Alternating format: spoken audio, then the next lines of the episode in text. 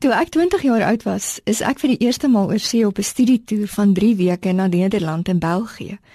Wat 'n wonderlike ervaring. In België aangekom, het ons by 'n groep plaaslike studente aangesluit wat saam met ons getoer het. Sommer gou het ek agtergekom dat daar iewers in die groep 'n man is wat ongelooflik lekker ruik. Lank voor ek geweet het hoe hy lyk, het ek geweet hoe hy ruik. Ek en my vriendin het van een parfumerie na 'n ander geloop en gesoek na die reuk tot ons dit gevind het.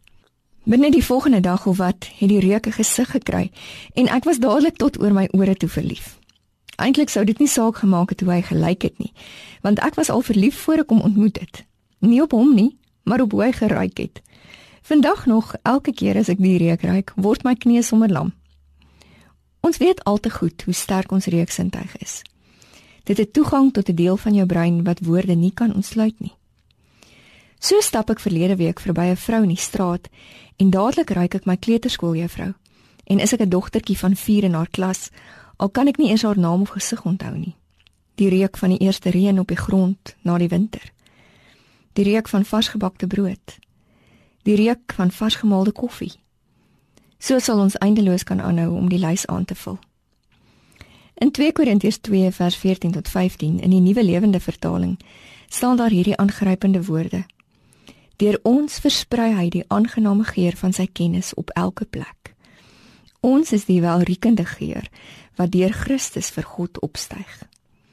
Wat 'n aangrypende en verbeeldingryke beeld.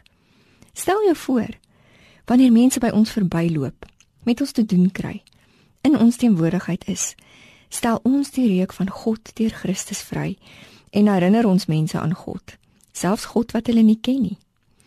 As ons iets hiervan begin verstaan, verstaan ek ook dat ek 'n geweldige verantwoordelikheid het in terme van hoe ek lewe en wie ek is. Want my lewe het die potensiaal om ander se diepe behoeftes aan God te ontsluit en hulle nader aan hom te trek.